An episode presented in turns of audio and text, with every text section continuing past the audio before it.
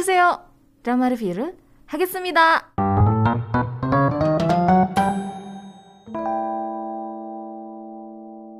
Oke, movie berikutnya yang mau aku bahas.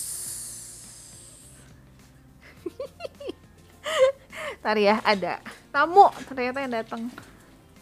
Bisa? Bisa dong. Oke, seperti biasa. ada tamu spesial di program Asiatic ya teman-teman semua. Siapa dia? Betul sekali, Caca. Oke, balik lagi ke movie ya. Movie berikutnya yang mau aku bahas adalah Escape from Mogadishu. Ini tuh uh, satu film yang juga seru banget yang didirect oleh Ryu Seung-wan. Yang sudah sukses sebelumnya mendirect The Battleship Island. Kamu nonton gak, Cia?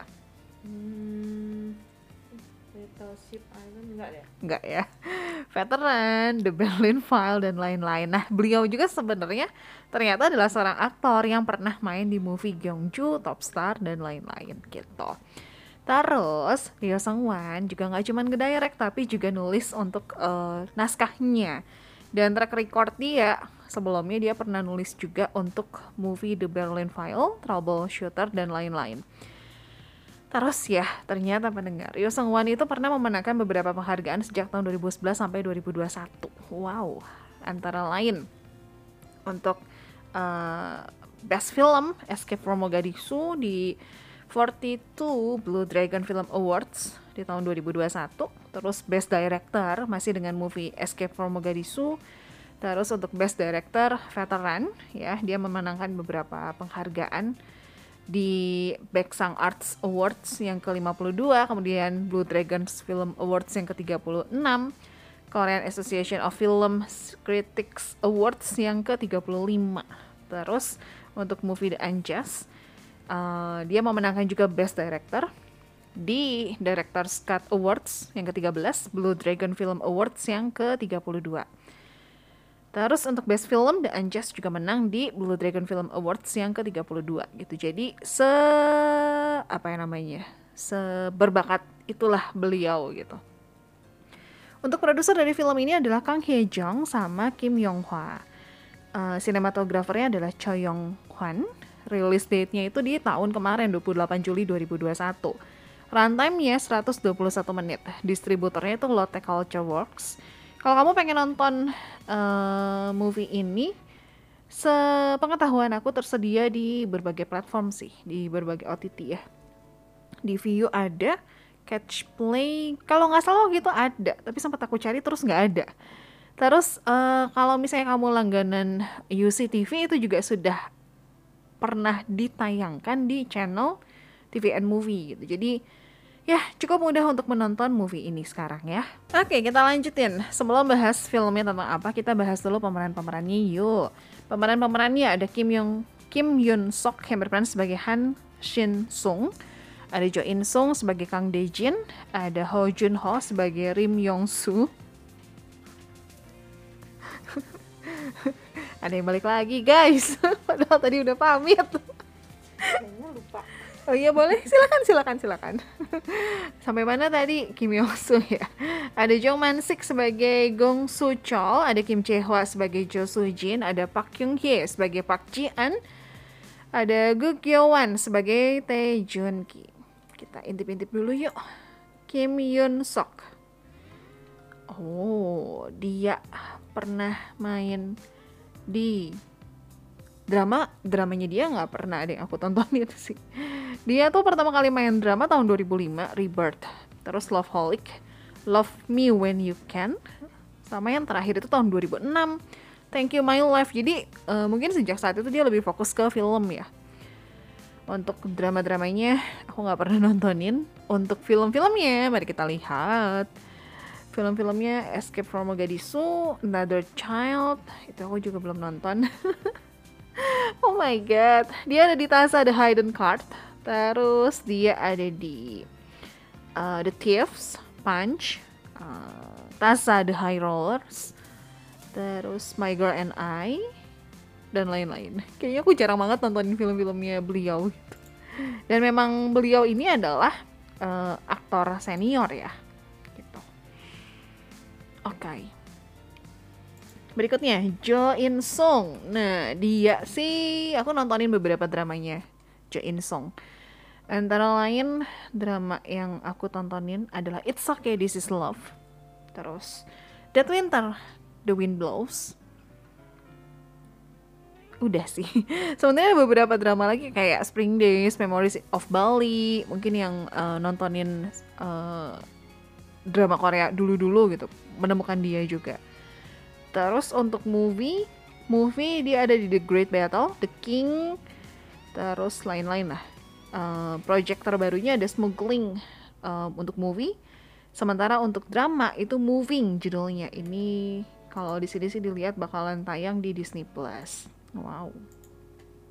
Berikutnya Ho Jun Ho. Ho Jun Ho. Nah, dia ini ya, aku pernah nontonin dia jadi um, psikopat lah pokoknya atau pemeran antagonis lah gitu. Dan berkes berkesan banget nih kalau uh, lihat track recordnya aku scroll cukup jauh loh untuk movie banyak banget dia main movie. Uh, kita bahas dari drama dulu ya. Drama aku nontonin dia itu di Come and Hug Me. Aduh sungguh, wah dia di situ keren banget serem gitu terus dia ada di The Player uh, OCN Kingdom dia ada di sana udah gitu Kingdom sih dia ada di series yang satu sama series 2 terus dia ada di Snowdrop yang baru aja tamat. Uh, Undercover dia juga ada terus Missing the Other Side. Uh, Beautiful Mind. Ya ini drama-drama memang drama yang dia mainin kayak tipe-tipe aku semua. Makanya aku nontonin drama-dramanya dia dan dia tuh bagus gitu meranin antagonisnya tuh meranin psikopatnya tuh bagus untuk movie, movie ini banyak banget teman-teman. Movie dia memulai tahun 1989 dengan Good Morning President. Movie dia yang pernah aku tontonin. Hmm. Mm, mm, mm, mm, mm, mm. Setaunya nggak ada. Innocent. Innocent ini yang nyeritain soal jaksa yang uh, jaksa udah super duper terkenal banget akhirnya harus balik ke kampung halamannya buat uh, ngebelain mamahnya yang Alzheimer dan dituduh melakukan kejahatan lah intinya gitu ini satu movie yang bagus tapi sayang endingnya gitu Oke, okay, itu Ho Jun Ho. Kemudian Jong Man Sik. Jong Man Sik ini juga kayaknya aku uh, beberapa kali lah nontonin dramanya dia kelihatannya. Untuk movie dia ada di movie The Swordsman, uh, Money, Broker, The Battleship Island, terus Veteran, Miracle in Cell Number 7, hmm, dan lain-lain. Yang lainnya aku nggak nontonin. Untuk drama, drama dia ada di Through the Darkness, Undercover, uh, Vagabond, iya bener Vagabond dia di situ main. Welcome to Waikiki, tapi season yang kedua. Terus Man to Man, Entertainer, Good Doctor, I Can Hear Your Voice tapi cuma jadi cameo doang dan lain-lain. Oke, okay, itu aja ya. Maksudnya pemeran-pemerannya bukan filmnya. Kita bahas filmnya ya. Jadi film ini tuh cukup menarik perhatian banyak orang dan juga pengamat film ya. Di Blue Dragon Awards, Blue Dragon Film Awards yang ke-42, film ini tuh memperoleh 5 nominasi dari 18 nominasi yang ada. Sekeren itu pendengar. Film ini juga berhasil mendapatkan penghargaan Best Film, mengalahkan uh, beberapa film kayak The Day I Die, Unclosed Case, terus Space Sweepers dari uh, Song Joong Ki, Hostage, Missing Celebrity, sama The Book of Fish. Di bulan Oktober 2021, film ini tuh berhasil membawa 6 penghargaan di Well Film Awards yang ke uh, 2021, bukan yang ke 2021. Tapi di Well Film Awards 2021 yang merupakan ajang penghargaan Busan International Film Festival. Film ini juga berhasil menjadi 10 Best Film of the Year dalam Korean Association of Film Critics Awards 2021. Film ini juga menjadi perwakilan Korea Selatan di ajang penghargaan Academy Awards yang ke-94. Sekeren itu pendengar filmnya gitu. Bentar ya, ini tuh ada ada di depan itu ada gangguan, ada yang dadah-dadah terus ke aku gitu. kan jadi saya konsentrasinya terbelah dua ya. Oke, kita lanjutin. Film ini diangkat dari kisah nyata sebenarnya tentang dua uh, tentang dua lagi. Iya, dua perwakilan sebenarnya jadi ada duta Korea Selatan sama Korea Utara untuk Somalia yang kerjasama untuk bisa keluar dari negara tersebut ceritanya. Terus eh, Mogadishu, ah, Mogadishu itu merupakan ibu kota Somalia pada tahun 1991 dan digambarkan pada saat itu sedang mengalami peperangan saudara ceritanya. Pada kenyataannya emang bener gitu terjadi perang saudara di Somalia pada akhir tahun 1980-an sampai 1991. Diceritakan sejak jatuhnya Presiden Siad Barre dan ini tuh jadi pemberontakan paling brutal. Nah, film ini tuh ngegambarin bagaimana suasana pada saat itu. Gitu. Film ini menghabiskan biaya produksi sebesar 24 miliar won atau setara dengan 289 triliun rupiah, guys. Mahal banget. Bikin film tuh nggak murah. Tapi beneran yang dikeluarin gede banget. Kalau tahu angka gini tuh ya, aku tuh suka mikir balik modal nggak ya gitu. Oke, out of the box.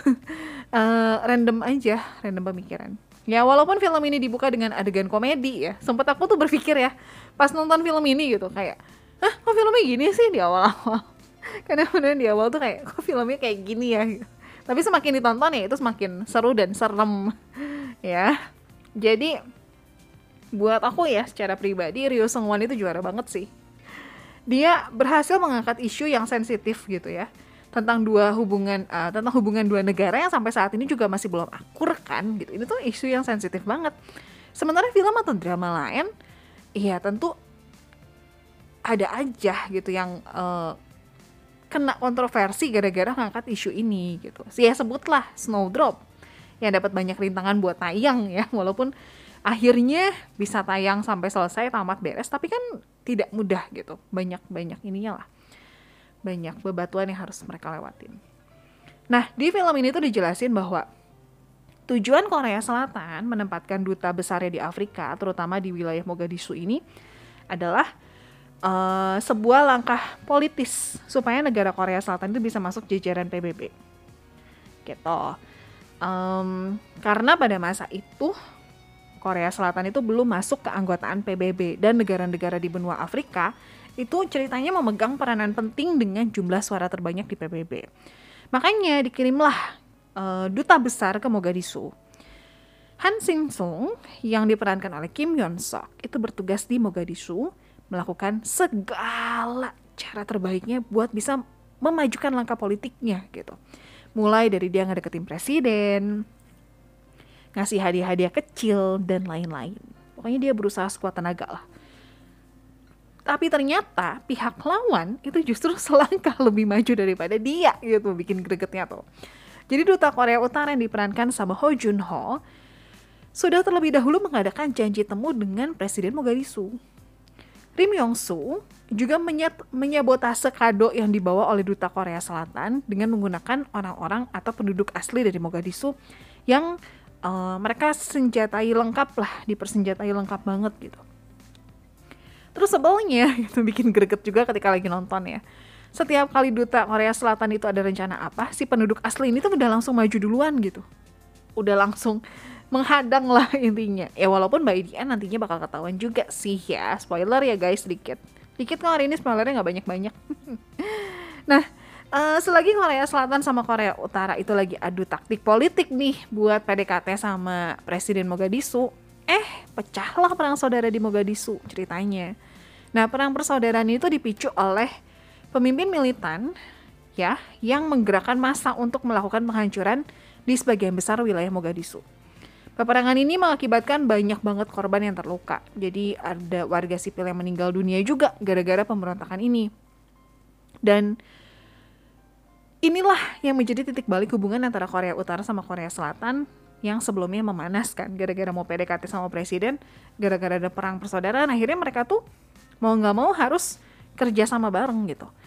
Kondisi Mogadishu pas lagi perang saudara ini beneran kacau banget. Dan film ini tuh ngegambarin dengan uh, bagus kalau buat aku ya. Bener-bener kayak kita sebagai penonton kayak hanyut terbawa ke suasana itu gitu keterbatasan energi, energi listrik keterbatasan komunikasi gitu kan. Itu bikin tambah sulit ya gitu.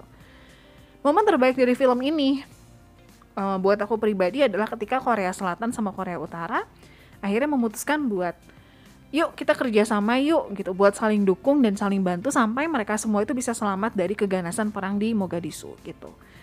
Um, makanya aku ngerasa film ini bagus banget gitu. Kalau misalnya kalian pengen nonton boleh ditonton ya